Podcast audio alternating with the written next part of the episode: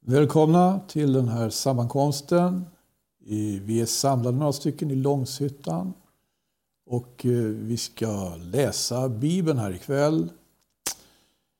Eh, det är så att det är ibland väldigt lätt för män att sammansvärja sig mot Gud. Det här är någonting som gör att predikningar utformas som de gör ibland i Bibeln. Vi kan ta några exempel från, från Apostlagärningarna. När Petrus predikar på pingstdagen och till att börja med vänder sig då till dem, till de som där är samlade så säger han så här. Ni judiska amen. och ni alla Jerusalems invånare. Så tilltalar han alltså skaran, folket som är samlat på platsen där pingstundret just utspelar sig. Eh, Stefanus i det sjunde kapitlet i Apostlagärningarna vänder sig till de som har dragit honom inför Stora rådet. Och han vänder sig till Stora rådet också då. På det här sättet. Bröder och fäder. Hör mig. Bröder och fäder. Fäder. Fäderna spelar eh, en ganska dyster roll i, i den heliga historien ibland. Eh, och det här är ibland ett, ett, ett riktigt, eh, ska vi säga, Ja, hur, ska man, hur ska man exempelvis, om vi går till 78 salmen, så ska vi se att den bjuder på en viss motsägelse. Om vi bara läser några inledande verser. Det är en sång av Asaf, 78 salmen. Eh, lyssna mitt folk till min undervisning. Böj era öron till min muns ord. Jag vill öppna min mun till lärorikt tal, uppenbara förborgade ting från fordom, vad vi har hört och känna och vad våra fäder har förtäljt för oss. Det vill vi inte dölja för deras barn. För ett kommande släkte vill vi förtälja Herrens lov och hans makt och det under han har gjort. Ty han upprättade ett vittnesbörd i Jakob och stiftade en lag i Israel. Han påbjöd den för våra fäder. För våra fäder. Och det skulle kungöra den för sina barn. Så skulle det bli kunnigt för ett kommande släkte, för barn som en gång skulle födas. Och dessa skulle stå upp och förtälja det för sina barn. Då skulle de sätta sitt hopp till Gud och icke förgäta Guds verk, utan ta hans bud i akt. Och det skulle inte bli så som deras fäder. Det skulle inte bli så som deras fäder. Ett gensträvigt och upproriskt släkte. Ett släkte som icke höll sitt hjärta ståndaktigt och vars ande icke var trofast mot Gud. Efraims barn, välbeväpnade bågskyttar, vände om på stridens dag. Det höll icke Guds förbund och efter hans lag ville det ej vandra. Det glömde hans gärningar och det under han hade låtit dem se. Ja, inför deras fäder hade han, hade Gud gjort under i Egyptens land på Soans mark.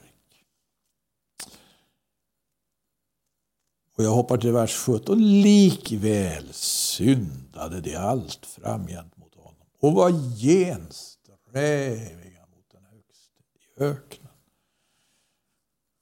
Och han går igenom i den här salmen just ökenvandringen och lyfter fram vissa episoder.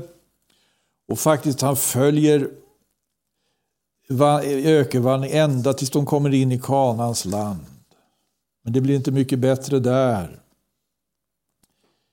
Eh, när de hade kommit in i landet så står det i 57 versen, det vek trolöst tillbaka. Det så som deras fäder. Det vände om lika en båge som sviker. Men eh, nog är det lite märkligt. Han börjar ju med att tala om att här finns ju så fina förutsättningar just hos fäderna. Vad vi har hört och känna och vad våra fäder har förtäljt för oss. Det vill vi icke dölja för deras barn. Vem hade förtäljt då för Asa? Vad hade han hört? Från fäderna. Kan ni begripa? Och han upprättade ett vittnesbörd i femte versen. Han påbjöd den för våra fäder. Och det skulle kungen göra den för sina barn. Fantastiskt! Vilken fin ordning. Och varför skulle barnen få höra det här av fäderna? Jo, i åttonde versen, det skulle inte bli så som deras fäder. Det skulle inte bli så som deras fäder. Ett gensträvigt och upproriskt släkte. Ett släkte som icke höll sitt hjärta ståndaktigt och vars ande icke var trofast mot Gud. Hör ni fäder? Hör ni fäder? Tala om för era barn nu hur gensträviga och upproriska ni har varit. Ett släkte som icke höll sig, men vad säger fäderna? Aldrig, det kommer inte vi att berätta. Va? Det berättar de ju inte. Vad är det här för någonting? Skulle fäderna berätta om hur gensträva och upproriska de har varit? Är inte det en gåta? Vem, vad, vad är lösningen på den här gåtan? Jag ska tala om vad lösningen på den här gåtan är. Lösningen heter Asaf. Det var Asaf som fick fram det. Han fick fram vad han hade hört från tidigare generationer. Men vi förstår, när han eh, sjunger sin sång eller tecknar ner sin psalm, så att vi har den ju här, 78 psalmen. Att det kan ju inte ha varit den här eh, så att säga, generaliseringen som gäller då när han tar emot det här vittnesbördet. Han har liksom trängt in i själva, ska vi säga, kärnan i vad det här handlar om. Och det är helt uppenbart att han har gått till Mose för att riktigt göra klart för sig vad som skedde. Och det vet vi att Mose, han fick ju faktiskt inte sällan ett koppel av upprorsmän emot sig. Och det är just det här som även Stefanus, han får gissla. De som han vänder sig till i apostlärningarna. Vi ska se här eh, i apostlärningarnas sjunde kapitel. Eh, de har ju dragit honom inför Stora rådet och där sitter översteprästen och översteprästen insisterar nu på att få veta om det som Stefanus anklagats för möjligen stämmer. Man hade anklagat honom och sagt eh, han säger att Jesus, han från Nasaret, ska bryta ner denna byggnad och förändra de stadgar som Mose har givit oss. Och då så spänner översteprästen ögonen i Stefanus och frågar förhåller detta sig så? Då sa han bröder och fäder, hör mig. Härlighetens Gud uppenbarar sig för vår fader Abraham medan han ännu var i Mesopotamien och förrän han bosatte sig i Karra och sa till honom Gå ut ur ditt land och från din släkt och dra till det land som jag ska visa dig. Även Stefanus går igenom både patriarkhistorien och ökenvandringen. Och han när han går igenom patriarkhistorien och talar om de tolv stamfäderna. Hur Gud upprättade ett omskärelsens förbund med Abraham i åttonde versen. Och så födde han Isak och omskar honom på åttonde dagen. Och Isak födde Jakob och Jakob födde våra tolv stamfäder. Och våra stamfäder avundades Josef och sålde honom till Egypten. Men Gud var med honom.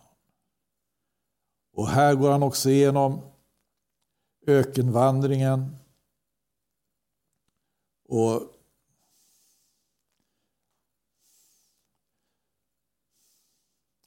Han säger bland annat som så här i Apostlagärningarnas sjunde kapitel. Om Mose i 38 versen. Det var och han, det var Mose som under den tid då menigheten levde i öknen både var hos ängeln som talade med honom på berget Sinai och tillika hos våra fäder och han undfick levande ord för att ge dem åt er. Men våra fäder ville icke bli honom lydiga utan stötte bort honom och vände sig med sina hjärtan mot Egypten. Just det här som Asaf beskriver i den 78 salmen.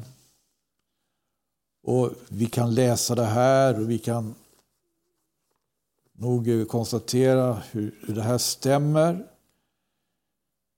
Och Det kan ju vara skönt att tycka att det här, det här är ju judarnas fäder. Men det är inte bara judarnas fäder. Eh, vi ska se hur det här också kommer att ha sin tillämpning och den kristna församlingen. Och men eh, vi ska inte släppa ökenvandringen riktigt, för vi ska titta på hur aposteln Paulus i Korintierbrevet får med det här. Du har skrivit tionde kapitlet i Korintierbrevet till grekerna. Jag vill säga i detta, mina bröder, våra fäder var alla under molnskyn och gick alla genom havet. Alla blev de i molnskyn och i havet döpta till Mose. Alla åt de samma andliga mat och alla drack de samma andliga dryck. De drack nämligen ur en andlig klippa som åtföljde dem och den klippan var Kristus. Men hör här. De flesta, i femte versen, men de flesta av, de, av dem hade Gud icke behag till. Det blev ju nedgjorda i öknen. Här har vi också en förklaring till det här generaliserande. Talet om fäder som är upproriska och gensträviga. Paulus skriver faktiskt, de flesta av dem hade Gud icke behag till. Det blev ju nedgjorda i öknen. När aposteln Petrus skriver sitt första brev, då skriver han ju till kristna församlingar som är på, på, på olika platser, olika håll kringspridda i Pontus, Galatien, Kappadokien, provinsen Asien och Bitynien. Kringspridda. Han skriver om frälsningen. Och han skriver så här i den, 13 vers, i den 18 versen. Ni vet ju att det icke är med förgängliga ting, med silver eller guld som ni har blivit lösköpta från den vandel ni förde i förfänglighet efter fädernas sätt. Det här är inte judarnas fäder. Det här är de kristna församlingarna bland hedningarna. Och lite tidigare så får, man, får han ju fram det på det viset det här i 14 versen. Då ni nu har kommit till lydnad, trons lydnad, så följ icke de begärelser som ni förut under er okunnighetstid levde i. Han kommer med evangelium till hedningarna. De levde i mörker, utan hopp och utan Gud i världen. Men som fick erfara det här. Att Gud kallade och Gud tog sig an dem, också, också hedningarna. Ni vet ju att det icke är med förgängliga ting, med silver eller guld, som ni har blivit lösköpta från den vandel ni förde i fåfänglighet efter fädernas sätt. Hedna fäderna. Men hörni, vilka talar han om i det andra brevet då?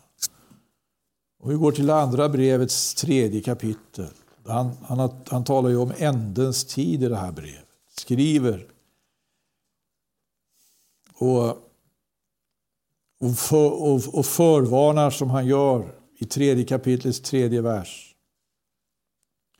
Och det må ni framför allt veta att i de yttersta dagarna bespottade ska komma med bespottande ord.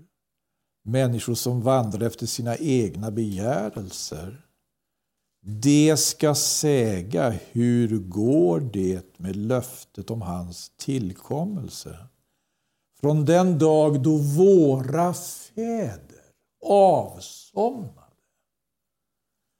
Från den dag då våra fäder avsomnade har ju allt förblivit sig likt ända ifrån världens begynnelse. Vilka är det här, vad är det här för fel? Det är de som tror på Jesu tillkommelse. Det är de kristna. Och i det här skedet så börjar man alltså tvivla på Jesu tillgång. Och det gör man genom att uttala sig på det här sättet. Från den dag då våra fäder avsomnade och jag allt förblivit sig likt ända från världens begynnelse. Kan det här generaliserande talet verkligen ha skäl för sig? Det verkar inte bättre. Det finns flera exempel på här i skriften. Vi, vi har också i den kristna församlingen. Måste inte exempelvis reformatorerna i generaliserande eh, ordalag vända sig mot. Århundraden av kristen tradition.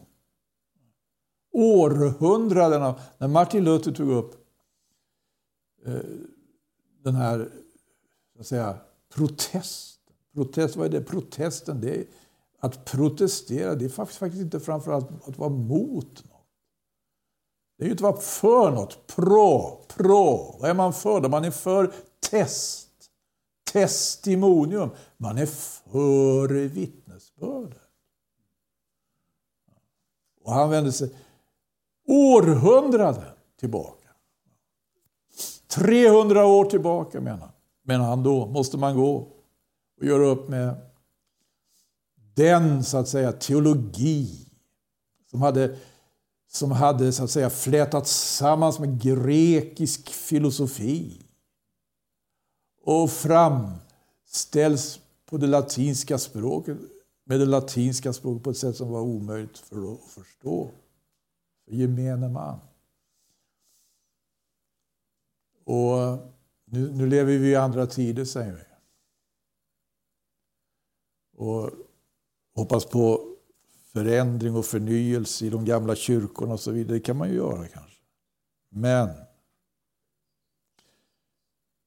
jag kunde inte låta bli att följa med stort intresse, ja, i alla fall något intresse, eh, påvebesöket i Irak. Så långt jag kunde då följa, med, följa genom eh, olika media rapportera Och det var en stor ekumenisk begivenhet då.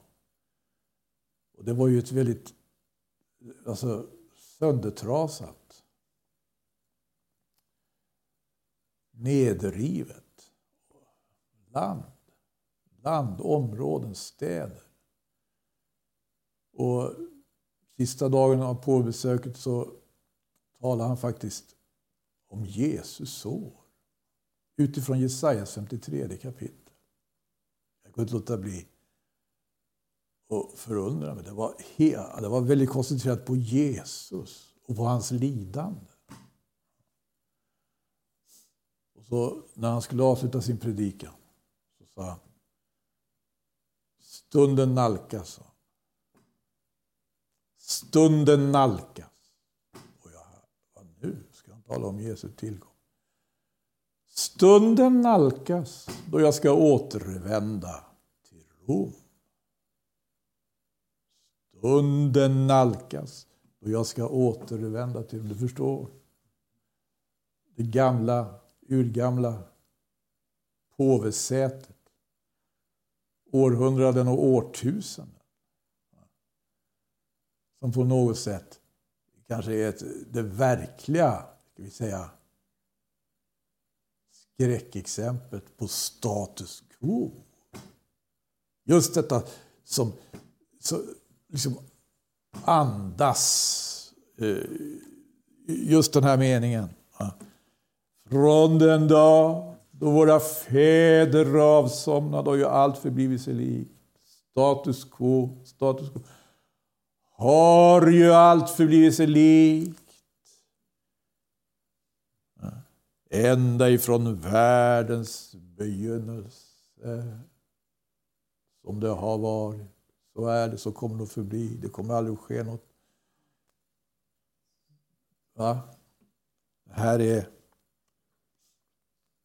Det är väl påve dömet, påveämbetet som på något sätt gett generationer av fäder orsak och anledning och sammangadda sig mot Guds ord. Och vi behöver kanske inte lämna den protestantiska världen eller de evangeliska församlingarna för att finna den här så att säga, tendensen på ett eller annat sätt När man skulle kanske hellre...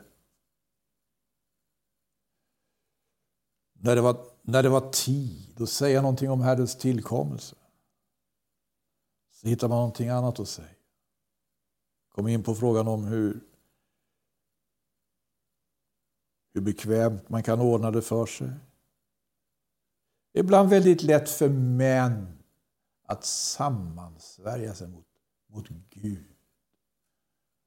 Det har att göra med, inte sällan med materiella intressen. Och vi ska gå till en, till en liknelse av Jesus nu här för att belysa det här. Vi går till Lukas evangeliets 14 kapitel.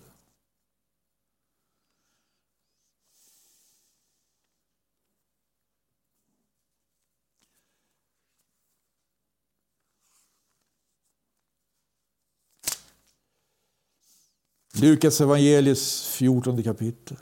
Jesus var ju nu... Han blev bjuden till en av fariseerna, en av de förnämligaste fariseerna.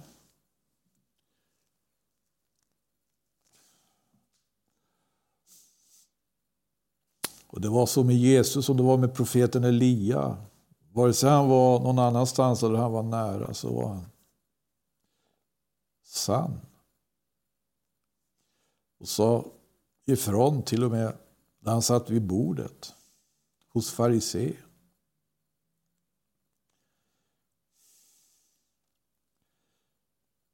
Och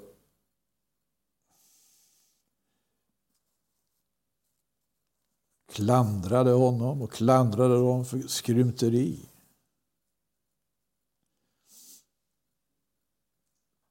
Och när han undervisade så, så står det så här i Lukas evangelis 14 kapitel, vers 15. Då nu en av de andra vid bordet hörde detta sa denne till honom.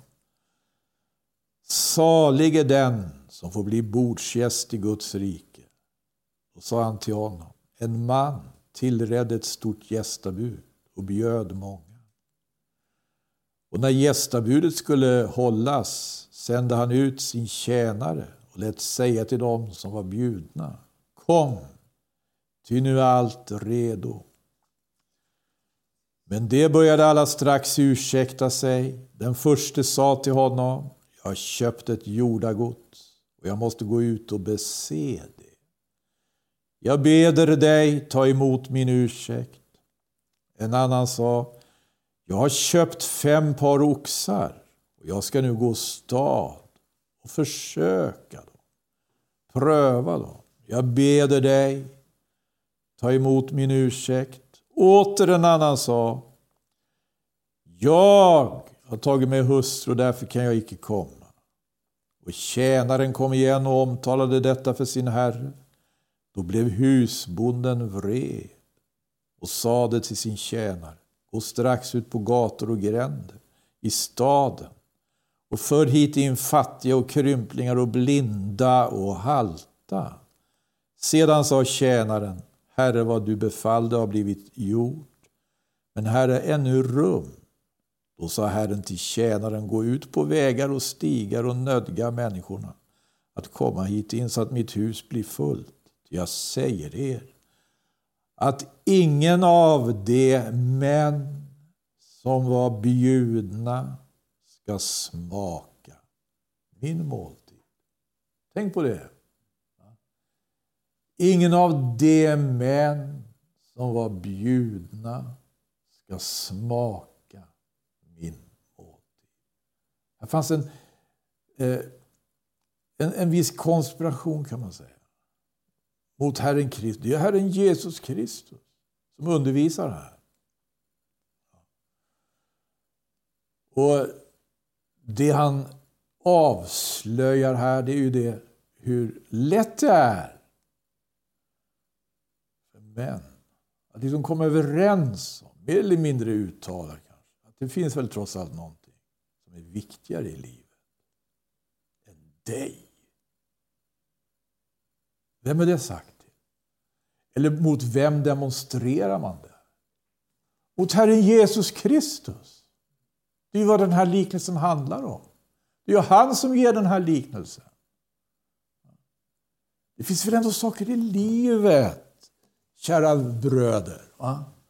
De är viktigare, viktigare att syssla med, viktigare att ägna sig åt.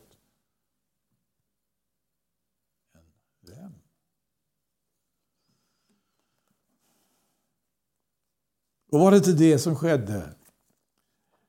Just det här som i, i, enligt den 78 salmen.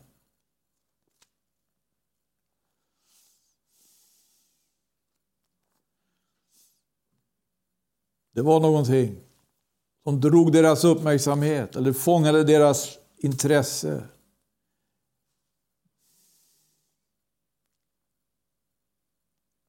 Det står om vad Gud gjorde.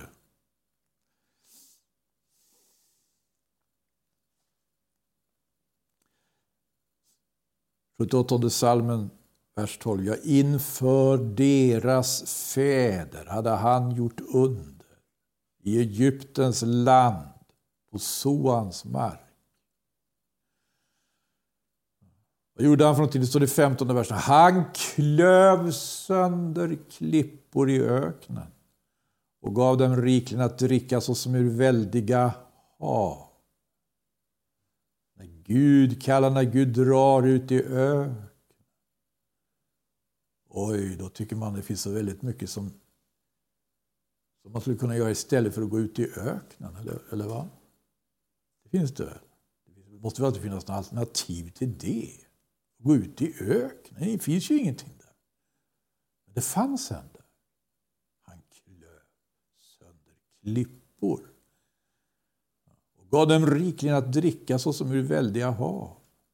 Rinnande bäckar lät han framgå ur klippan. Rinnande bäckar lät han framgå ur klippet. Och de såg det. Men av någon anledning så fångades de upp av något annat. Det var någonting, det var någonting som plötsligt så började ett krav göra sig gällande. Det, rinnande bäckar. Nej, nej, nej, vänta nu. Det är något som fattas här, något som saknas. Det var någonting som drog. Det var någonting som drog. Det talade mot Gud. Det sa, kan väl Gud duka ett bord i öknen? Se, visst slog han klippan så att vatten flödade. Det var ett tecken. Men det här vattnet, vatten, vatten, det, det, det är bara vatten. Ja, det är bara vatten.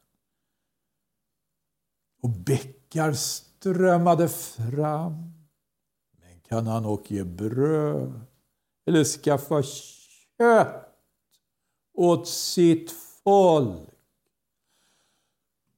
Hörrni, det måste väl finnas saker i livet som är mer värdefulla att ägna sig åt än det här, det här vattnet. Vad är det för något? Tror ni att vi kan leva av vatten? Så förgrymmades då Herren när han hörde det. När han hörde det. Han hörde det resonemanget. Hur resonerar vi och vad snackar vi ihop oss om?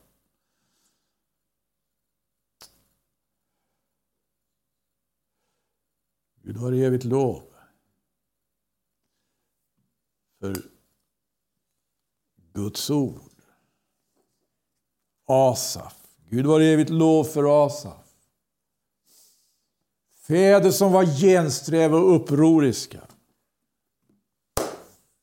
Berätta nu för era barn om hur gensträva och upproriska. Nej, men det gör de ju inte. Vem gjorde det? Det gjorde Asaf. Asaf var sanning. Tror ni han var populär? Var, var han populär? Jag tror inte han var mer populär än Stefanus. Och Stefanus blev stenad. Men han hann ändå inte riktigt vara med så länge att han måste börja liksom vässa blickarna och skärpa eh,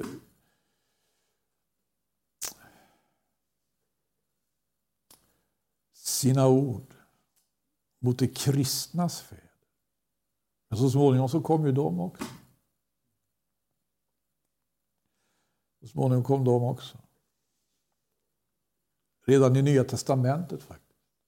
Aposteln Petrus i sitt andra brev, Juda. Aposteln Johannes.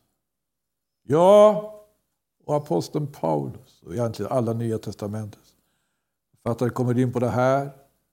Visar att samma tendenser, samma tendenser som en gång avledde Israels barn förledde, förförde kvinnan Jesabel. Det var inte bara i Elias tid som hon härjade. Hon fanns representerad i Tyatira, Biliam, Biliam. Det var inte bara i fjärde Mosebok i de dagarna Biliam härjade. Han, finns, han fanns representerad och finns representerad i församlingen i Pergamos. Ja.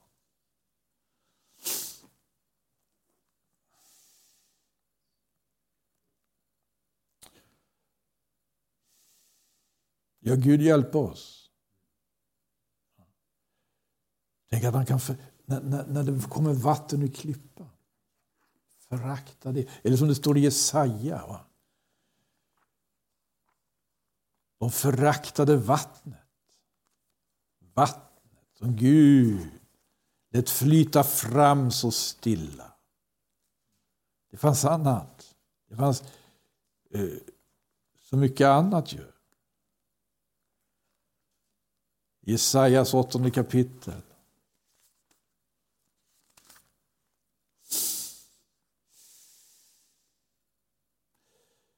Herren talade vidare till mig och sa eftersom detta folk föraktar Siloas vatten som flyter så stilla och har sin fröjd med främmande makt, med resin och remalja så. Därför ska Herren låta komma över dem flodens vatten. Det är väldiga och stora. Nämligen konungen i Assyrien med all hans härlighet. Och den ska stiga över alla sina breddar och gå över alla sina stränder.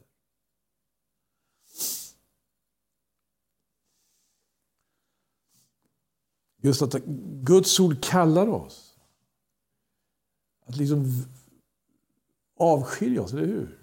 Vända oss bort ifrån något och vända oss till någon. Det är ju det här som Kristi kors handlar om. Vi, vad är det för någonting? Kors? Vad är det? Men det är ju det, det som är vår berömmelse. Det är det som är vår berömmelse. Och det här är ju också det vi sjunger om ofta, eller hur? I våra möten. Korset kan hjälpa. Korset kan lära oss att se skillnaden och se värdet i det som så lätt utraderas. Om vi inte ser till att vi håller kontakt. Håller kontakt. Håller kontakt med honom. Med Jesus Kristus. Aposteln Paulus, när han kommer till Korint så skriver han ju, jag hade beslutat mig för, medan jag var bland er, icke veta om något annat än Jesus Kristus och honom såsom korsfäst. Nu hade jag tänkt eh, ägna mig lite mer åt den här 78 salmen men eh, vi får kanske något annat tillfälle att göra det. Och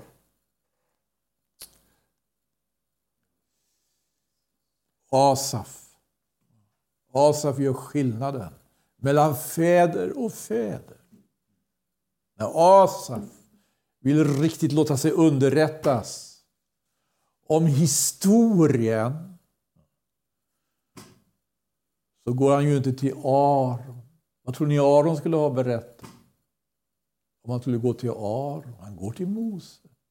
Han går till källan. Aron var minsann inte betydelselös. Det var han inte. Men något särskilt vittne var han inte. Det var Mose som var vittne. Och Asaf tog vara på det vittnet. Vem är Asaf? I våra led. Vem är Asaf? För den kristna församlingen. I vår, vem, vem, vem ger oss de rätta begreppen? Vem hjälper oss att vi inte gör det stora misstaget som de här gjorde? oss Sök efter honom. Herren har sagt, den som söker han finner. Ja, den som beder han får. Och den som söker han finner. Och för den som klappar på, för honom ska bli upplåtet. Amen. Herre Jesus, vi prisar dig, vi tackar dig. Vi ropar till dig, Herre. Halleluja. Vi beder, Herre, Hjälp oss, hjälp oss hålla kursen. I Jesu namn. Amen.